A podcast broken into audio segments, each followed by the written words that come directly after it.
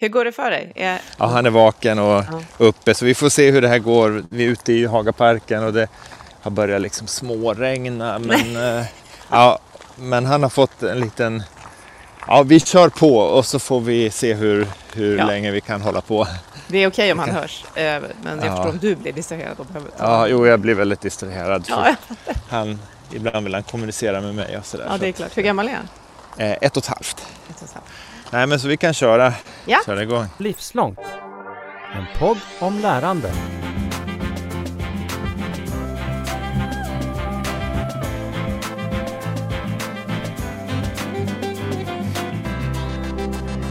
Då brukar jag ibland göra någon inledning som vi kör direkt, men idag går vi rakt på dig då så att du ska få använda tiden så bra som möjligt. Så du kan väl bara Mm, börja berätta där i Hagaparken vem du är och vad du gör. Ja, jag är Jonas Olofsson. Eh, jag är professor i psykologi vid Stockholms universitet och jag är norrlänning ursprungligen så har eh, bott större delen av mitt liv i Umeå. Och eh, eh, mitt, i mitt arbete så fokuserar jag på luktsinnet och, och luktsinnets eh, intellektuella egenskaper, minnesegenskaper och sinnesupplevelser generellt. Mm. Och det är vad vi ska prata om. Och så är du också pappa, vilket vi kan höra eftersom vi stör dig här på din föräldraledighet och du får gå promenad Ja. för att vara med oss. Ja, precis. Eh, Vi har en liten sjungande Ja, det ettåring här. perfekt. det är underbart. Fler sinnen i den här podden. Mhm. Men du, när du beskriver det här då som du gör och att du ägnar dig åt lukter, som ju är varför jag har bjudit in dig. Eh, vad är det för livslångt lärande som har tagit dig själv dit? Vad liksom inom psykologin gjorde att du hamnade här? Ja, precis. Det är en eh, bra fråga. Jag, ehm, jag började studera psykologi och kognitionsforskning för att jag ville förstå varför människor beter sig som de gör och varför samhället ser ut som det gör. Eh, Och jag började studera humanistiska ämnen på universitetet. Tänkte bli historiker men sen tyckte jag att, eh, att eh, kognitionsvetenskap verkade särskilt intressant och, och eh, det tvärvetenskapliga, hjärnans eh, funktioner och eh, språkets struktur och eh, det här tvärvetenskapliga lockade mig. Mm. Så på den vägen är det och att det blev just luktsinnet, det var lite av en slump för vi hade en väldigt trevlig professor i Umeå som hette Steven Nordin som, som jag kände att jag gärna ville jobba med och eh, han forskade om eh, luktsinnets roll i demens. Och eh, då kände jag att det kunde vara något som hade lite samhällsnytta. Man kunde utveckla lukttester för, för att upptäcka demens i ett tidigt stadium. Så, eh, så det var så mitt doktorerande började. Och eh, på den vägen är det. Och det ska vi komma tillbaka till, tänker jag. Du får verkligen öva Mm. kognition här, hör jag, när du Mhm. har ditt lilla barn med dig. Mhm. får bryta om det behövs. Men eh, om vi säger så här, du är på promenad i en park Mm. i Stockholm som jag också har varit i väldigt mycket i mitt liv. Ehm, om vi bara börjar med vilka dofter känner du just nu runt dig eftersom vi nu har en gästig miljö för en gångs skull. Ja, precis. Ja, det, det, är, det är lite små eh, blött och regnigt så det är liksom sån här daggig eh, doft. Eh, Det är, det är blött i gräset och på träden och sådär. Så det är en fin naturmiljö och lite dofter från Brunnsviken. Eh, Vatten, Mm. vattnets doft. Så, så det, det är en ganska det är inte en särskilt starkt doftande miljö just nu i alla fall. Men, men luften är väldigt eh, fräsch och bra.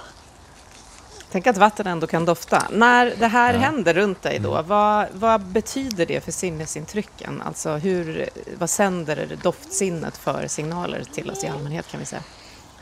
Ja, precis. Det är ju då en, en väldigt, eh, kan man säga, kaotisk blandning varje gång vi drar in luft genom näsan så är det en, en, en ny kombination av hundratals molekyler i olika varierande doser. Och det här är väldigt, ett väldigt svårt pussel för hjärnan att lägga. Eh, så en av luktsinnets viktigaste egenskaper enligt mig är att ta hjälp av de andra sinnena och våra kunskaper för att pussla ihop varifrån kommer den här doftnoten och finns det flera, finns det flera nyanser i det här eller är det bara en dominerande doft? Där behöver vi ofta andra sinnen och våra, vårt kunskapsminne till hjälp. Mm. Eh, och, och det är någonting som, som vi är väldigt bra på att göra, vi människor. Ja, för att en stor del av forskningen där jag sitter och jobbar med inlärning på olika sätt, hur vi lär oss, den handlar ju oftast, tror jag i alla fall, om synintryck. Vi pratar om att vi ska eh, liksom, ta in fler sinnen i ett rum med lärande. Eh, och då har vi bland annat doft. Men vad, vad kan man spel, säga då att det spelar för roll med det här komplexa du beskriver för just vår inlärning och möjlighet att minnas det vi tar in? Ja, precis. Vi, vi lär oss ju alltid saker i en multisensorisk kontext. Alltså det är alltid en massa olika sinnesintryck eh, närvarande. Och eh, faktum är, jag, jag, när jag fick dina frågor här så eh, kom jag att tänka på en, ett barndomsminne, ett tidigt barndomsminne för, för mig när jag gick på eh, sex års, som det hette då, det. förskoleklass och vi hade en förskollärare som tog in alla sexåringar då i sagorummet och tände rökelse och sen läste han eh, böcker för oss. Som, det var bara för de som var sex, då, de äldsta barnen på förskolan. Och eh, eh, min, det blev då min favoritbok, det var, var Bilbo av, av eh, Tolkien. Oh. Så efter det så gick jag, jag sa åt mina föräldrar att köpa den här boken och sen började jag läsa den och jag läste den från perm till perm och sen började jag om igen och gjorde det liksom många, många gånger. Så det blev liksom en, en favorit och jag undrar nu i efterhand om det hade med, med just den här doften att göra. Och jag, jag, det var en väldigt speciell känsla eh, som gör att jag minns den idag och eh, jag tror att dofter kan i, i bästa fall skapa en sån här väldigt speciell stämning runt en lärande situation eller en läsande Mm. situation. Och eh, om man kan lyckas och få till någonting sånt då kan man påverka barn till exempel och, och skapa en, ett läsintresse med, med ganska små medel som i det här fallet. Just det.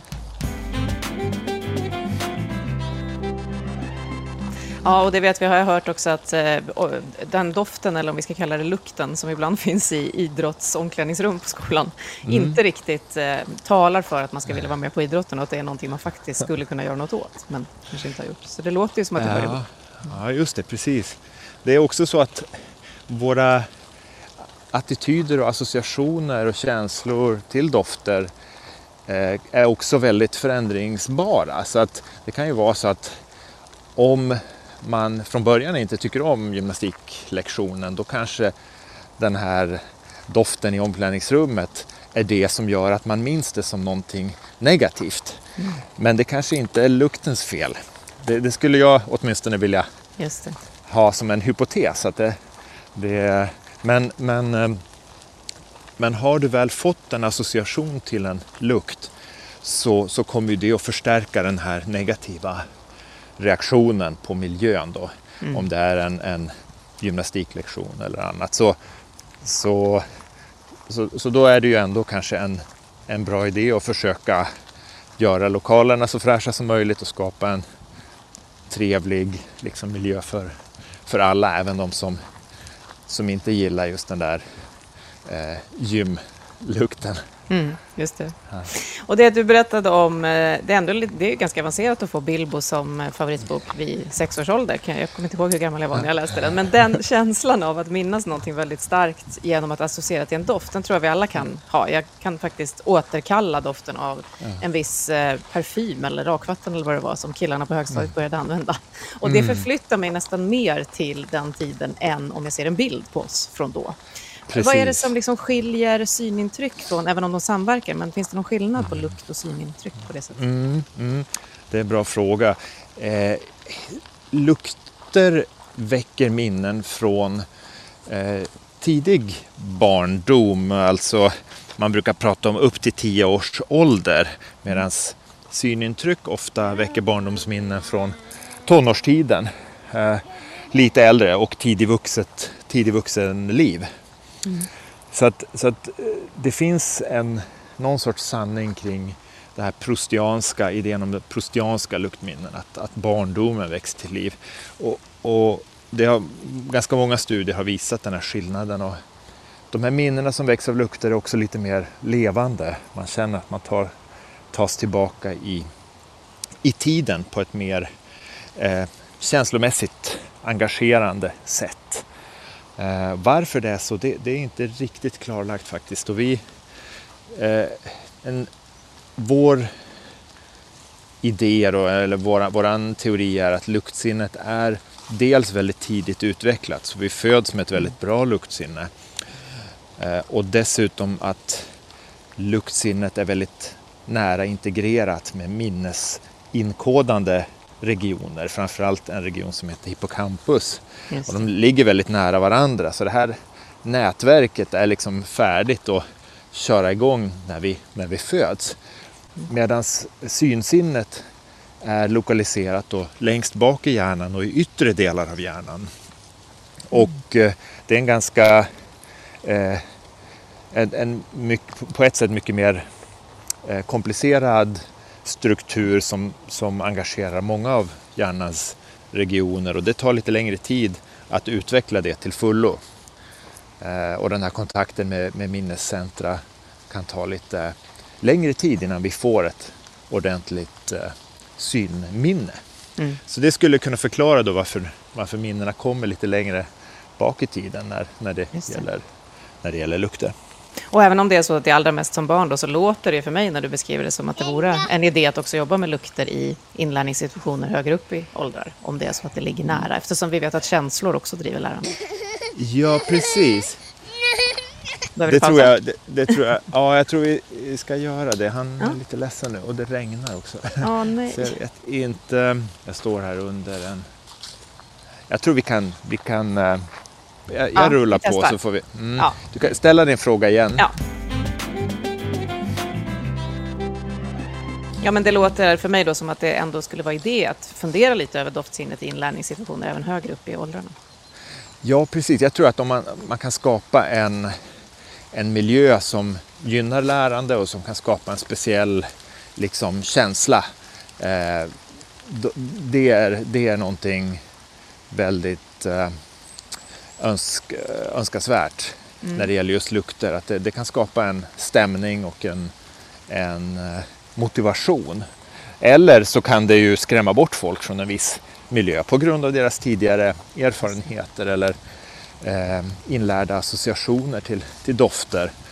Så, så dofter är ju, de, de flesta liksom, lukter är ju ofta lite suspekta när vi inte har några när vi inte har några bra eh, minnen förknippade med dem. Just det. Och eh, det är väldigt lätt att liksom stöta bort människor med en stark lukt. Så att även en, en lukt som är trevlig i en låg dos mm. kan vara väldigt avstötande eh, i en högre dos. Så att det, man får vara väldigt försiktig när man ska använda sig av lukter på det här sättet. Det kan få negativa effekter för vissa personer som är särskilt känsliga. Mm. Ja, jag har varit med i yogasalar där folk har bett dem ta ut rökelsen bland annat för att de klarar inte av det. Nej, just det. Precis. Det är en stark doft. Så. Men du, ja. under pandemin så var det ju många som tillfälligt eller mer permanent förlorade hela eller delar av sitt luktsinne. Så mm. hur skulle vi kunna säga att det då påverkar, om man, om man gör det, våra möjligheter att ta emot intryck? Till exempel för att lära, men för annat också förstås. Ja, just eh, när det gäller att förlora luktsinnet i, i vuxen ålder så har ju det negativa effekter på vår, eh, vårt välbefinnande och våra relationer. Eh, men det kan ju det kan ju drabba vår förmåga att lära in till exempel en negativ, liksom en, en låg sinnesstämning är ju dåligt för, för inlärning generellt. Alltså depression och stress och sådana saker är ju, är ju väldigt, och det kan bli en följd av att man tappar luktsinnet, till exempel av covid. Så det ska man ha i beaktande. Däremot så tror jag inte att de som förlorar luktsinnet behöver vara direkt oroliga för att förlora också andra sinnesfunktioner eller kognitiva funktioner. Eh, liksom som en direkt följd av, av luktförlusten. Mm. Utan de som, de som har förlorat luktsinnet, det verkar inte vara så att de har några problem med minnesförmågan generellt och sådär. Eh, bara som en följd av, av luktförlusten, utan de kan klara sig bra på det sättet. Utan det handlar mer om att mycket av ens livskvalitet förloras av att man förlorar luktsinnet och, och det i sin tur kan, kan eh, göra en deprimerad i vissa fall. Jag skulle säga det, det verkar som att det är väldigt viktigt för oss på helheten om vi då kan bli deprimerade av att, att förlora även det sinnet som man kanske skulle kunna tänka ja. sig att vi klarar oss bättre utan. Ja, precis. Nej, och det, det är, det, det, är så att eh, förlora andra sinnen brukar generellt sett inte leda till depression men att förlora luktsinnet gör det. Mm. Och det säger någonting om luktsinnets viktiga roll för att eh, för vår livskvalitet, att njuta av mat och dryck, att, att känna doften av våra nära och kära, eh, att känna liksom hur, hur luften känns mm. när vi är ute i naturen eller även dåliga lukter tror jag har den här funktionen att de som, de som förlorar luktsinnet de kan ibland sakna också liksom lukten av sina barns bajsblöjor och sådär. Ja. Det, det, kan vara väldigt liksom, eh, svårt att inte kunna känna det. Så att, så att eh, jag brukar säga att man ska vara liksom uppskatta även äckliga lukter för de, mm. man känner att man lever när man känner en stark lukt. Just det. Just det. Mm. Och bara det där som du inledde med, att det inte är så stark doft där du går nu, men det doftar ändå natur och det betyder någonting för den upplevelsen så att säga. Mm. Ja, precis. En del fick ju också förvrängt luktsinne, det blev fel. Sånt som man annars gillar jättemycket, doften av kaffe till exempel, luktade plötsligt då mm. illa. Um, mm. Och då funderar jag på, jag förlorade bara eller lite grann några dagar under en covidvända. Så. Men då började jag genast lite desperat att träna. Jag stoppade nästan upp kaffebönor i näsan för att dra in doften för att försöka träna det här. Ja. Eh, och ett gammalt vedertaget eh, uttryck när det gäller lärande är ju repetition i all kunskapsmoder. Så om mm. det handlar om att mm. minnas saker, hur kan man mm. träna det här minnet genom att utsätta sig för olika dofter? Mm.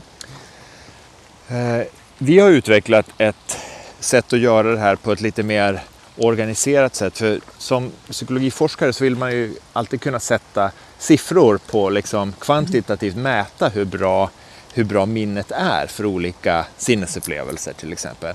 Mm. Och då har vi tagit fram ett doftmemory-spel med mm. olika T-dofter då. Men man kan göra även med, med andra, andra dofter. Eh, men eh, då, och det här har vi utprövat vetenskapligt och vi har låtit folk träna varje dag i 10 15 minuter med det här spelet. Och det vi har sett och det är att de som, de som eh, använder det här spelet de får bättre förmåga att känna skillnad på dofter och de får bättre förmåga att sätta namn på dofter. Mm. Trots att det inte är någonting som du egentligen behöver göra för att klara av spelet. För det handlar bara om att minnas var, var eh, den, andra, eh, den, den, andra doften i, i doftparet var. Mm. Så det är som ett, ett typiskt minnesspel med, med, med bilder som man brukar spela. Just det, ett klassiskt memory mm. som man har spelat med sina barn. Ja. Precis, precis. Och, så vi hade det som en eh, så kallad kontrollbetingelse, att hälften av deltagarna fick använda eh, ett spel med olika figurer på och träna med det. Och de fick ju då inga förbättringar förutom att de blev bättre på att spela memory. Ja. men, ja. men det som hände med de som spelade med luktmemory det är att de fick ett bättre luktsinne. De blev bättre på att sätta namn på lukter vilket stödjer då deras eh, lärande. Kan du sätta namn på någonting så, så blir det mycket lättare att och, och och komma ihåg det och, och, kunna analysera dina sinnesintryck och sådär. Så det är väldigt viktigt när det gäller luktsinnet att, att, eh, att finna de här orden. Det är väldigt svårt, men det går. Mm. Eh, så, och, och det, det, som var väldigt intressant med just den där studien, det var att de som tränade med lukter, de blev även bättre på det vanliga memory-spelet. med, med figurerna.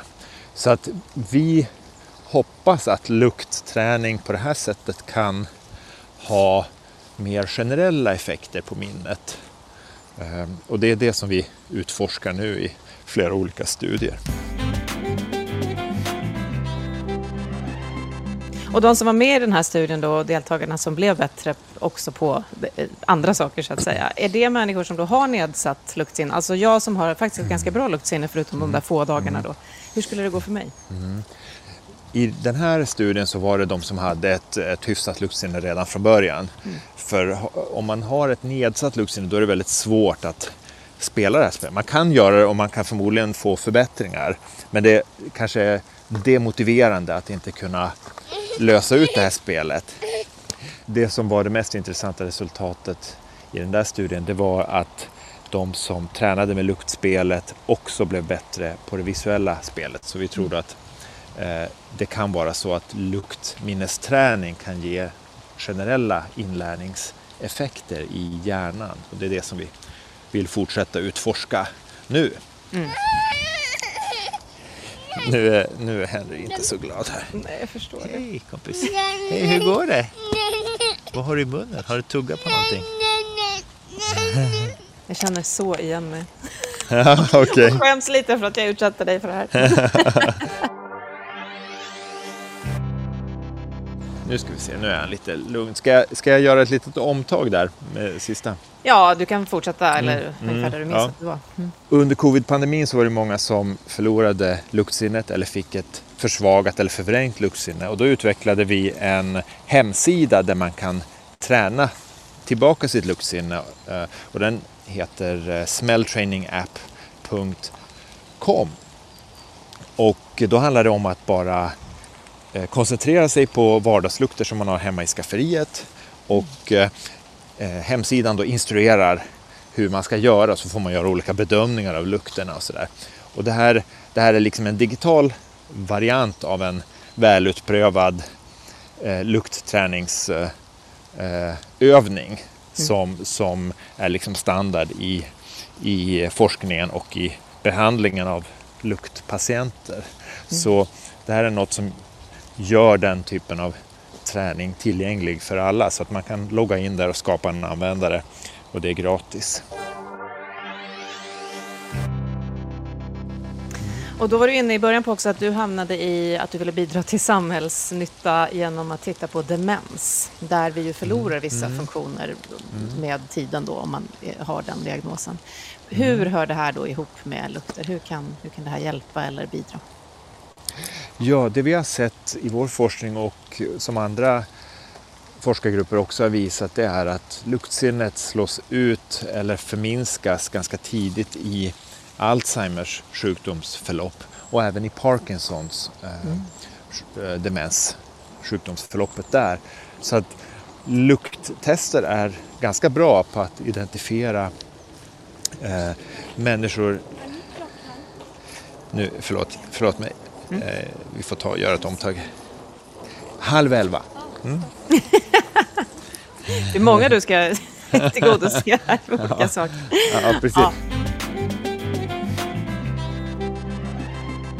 Så det vi har sett är att vi kan eh, använda lukttester för att hjälpa till och förutsäga vilka som kommer att få de här sjukdomarna senare eller som kommer att bli diagnostiserade med de här sjukdomarna.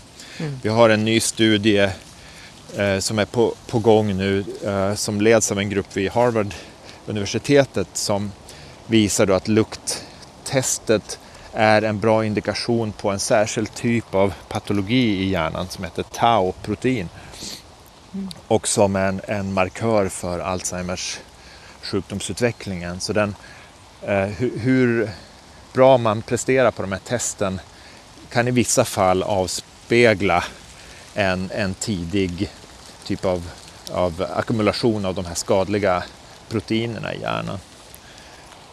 Betyder det då att man, eh, för det första, om man har dåligt luktsinne så kanske man inte direkt ska börja oroa sig för Alzheimer, men, men betyder det att man kan träna i ett tidigt skede? För det vet mm. jag ju andra sådana saker, ja. att sjunga sånger kan träna och så. Kan man Precis. träna även där? Precis, jag, jag vill inte skrämma upp folk i onödan och, och, det är faktiskt så att man kan förlora luktsinnet av ganska många olika anledningar. Så mm. det man kan säga egentligen är att om man har ett bra luktsinne då behöver man inte vara så orolig för att få en demenssjukdom. Mm. Eh, men om man har ett dåligt luktsinne så kan det bero på en massa olika saker och då behöver man inte, inte heller oroa sig allt för mycket. Så att det, det är liksom en pusselbit i ett större pussel som man måste lägga när man försöker diagnostisera och prognostisera vilka som kommer att drabbas av det här. Och när det gäller träningen så vore det ju en dröm att kunna använda luktsinnet för att förbättra äldre människors kognitiva förmågor och det, det, det vore liksom en eh, det vore otroligt spännande och, och häftigt att kunna visa det men än så länge är vi inte där forskningsmässigt men det är en förhoppning som vi, som vi har då i förläggningen att kunna, kunna träna människors hjärnfunktioner med hjälp av doften när de blir äldre. Det är då det är särskilt viktigt. Men sen som du säger med att sjunga, motionera, sådana mm. saker. Det är alla de här livsstilsfaktorerna, att inte röka eller att inte dricka för mycket och så. Det är ju väldigt viktigt eh, för hjärnans hälsa i hög ålder. Mm. Ja, vi får höras igen om några år då, eh, mm. när du inte längre går barnvagnspromenad också, men och se om forskningen har kommit lite längre på området. Ja. Men till sist då, tycker du att vi alla som vill eh, hålla oss alerta och lära oss många nya saker och sådär, ska vi, ska vi tänka extra på att träna vårt doftsinne? Ja, det är en väldigt intressant domän för att den, den, just när det gäller mat och vin så är ju det väldigt mycket doftbaserat. Det, dofter är väldigt viktigt för vår upplevelse av mat och vin mm. och även parfym i, i viss mån.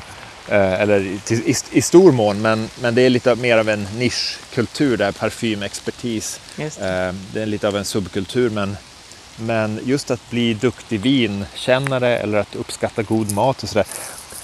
De, de här aktiviteterna tar liksom hela hjärnan i anspråk, så det är ett väldigt bra sätt att hålla, eh, att hålla sin hjärna i, i trim, att, att lära sig om god mat och god dryck. Och det, det, är, ja, det är någonting som jag skulle rekommendera eh, på det sättet. Och sen är det ju väldigt mycket njutning förknippat med, mm. med, med det också.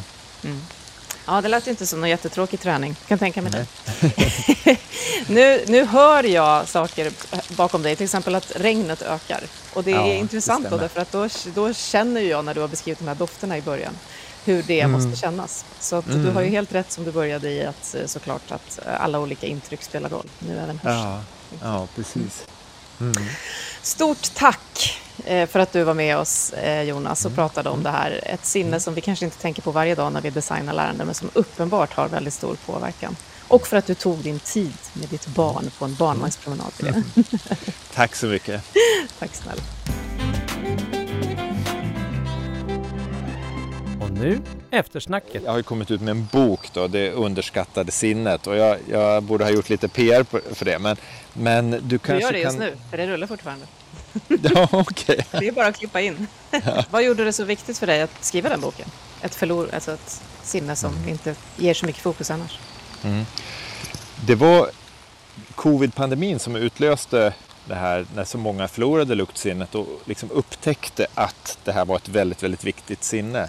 Medan tidigare så har jag fått liksom kommentarer att varför ska man forska om luktsinnet? Det är ju inte särskilt viktigt.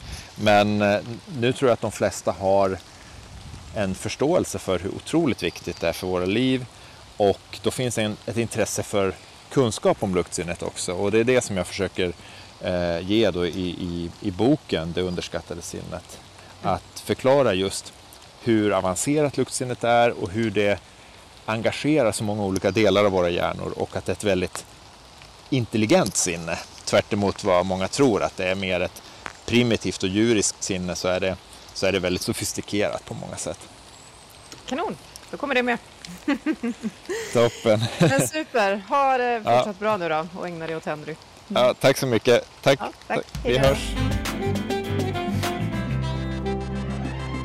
har just hört Livslångt, en podd från RISE om allt det där man lär sig i livet. Vi hörs om en vecka igen.